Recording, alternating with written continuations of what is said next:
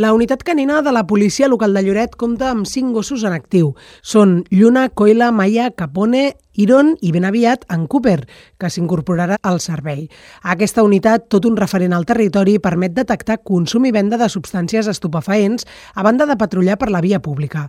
Funciona des de fa més de 10 anys i dona molts bons resultats, segons explica el regidor de Seguretat Jordi Martínez en declaracions al programa Sense pressa de Nova Ràdio Lloret. Algunes escoles doncs, que venen a fer visites i, i potser doncs, pels nens és la part més impactant, no? poder veure els gossos, poder veure com, doncs, com busquen uh, un tipus de substància, doncs, doncs és potser la part més amable.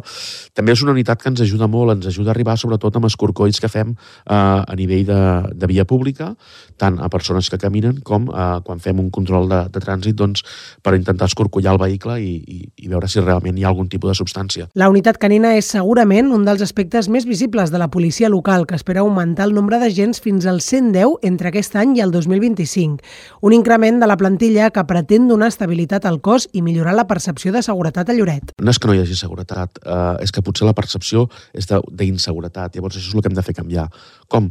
Doncs des de més presència policial al carrer, des de més controls al carrer, des de més actuacions específiques en diferents situacions que tenen lloc a la via pública, amb diferents establiments que no compleixen la normativa sectorial, etc etc etc. Mica en mica el que hem de fer és anar ampliant les nostres xarxes per tal de que la gent doncs, sàpiga doncs, que a Lloret eh, hi ha unes, unes normatives i aquestes normatives s'han de fer complir. Si fem complir aquestes normatives a Lloret, estic segur que la gent tindrà o canviarà la, la percepció que té de, de seguretat a Lloret. Jordi Martínez afegeix que un altre objectiu d'aquest mandat és que la policia policia local de Lloret torni a ser referent a Catalunya.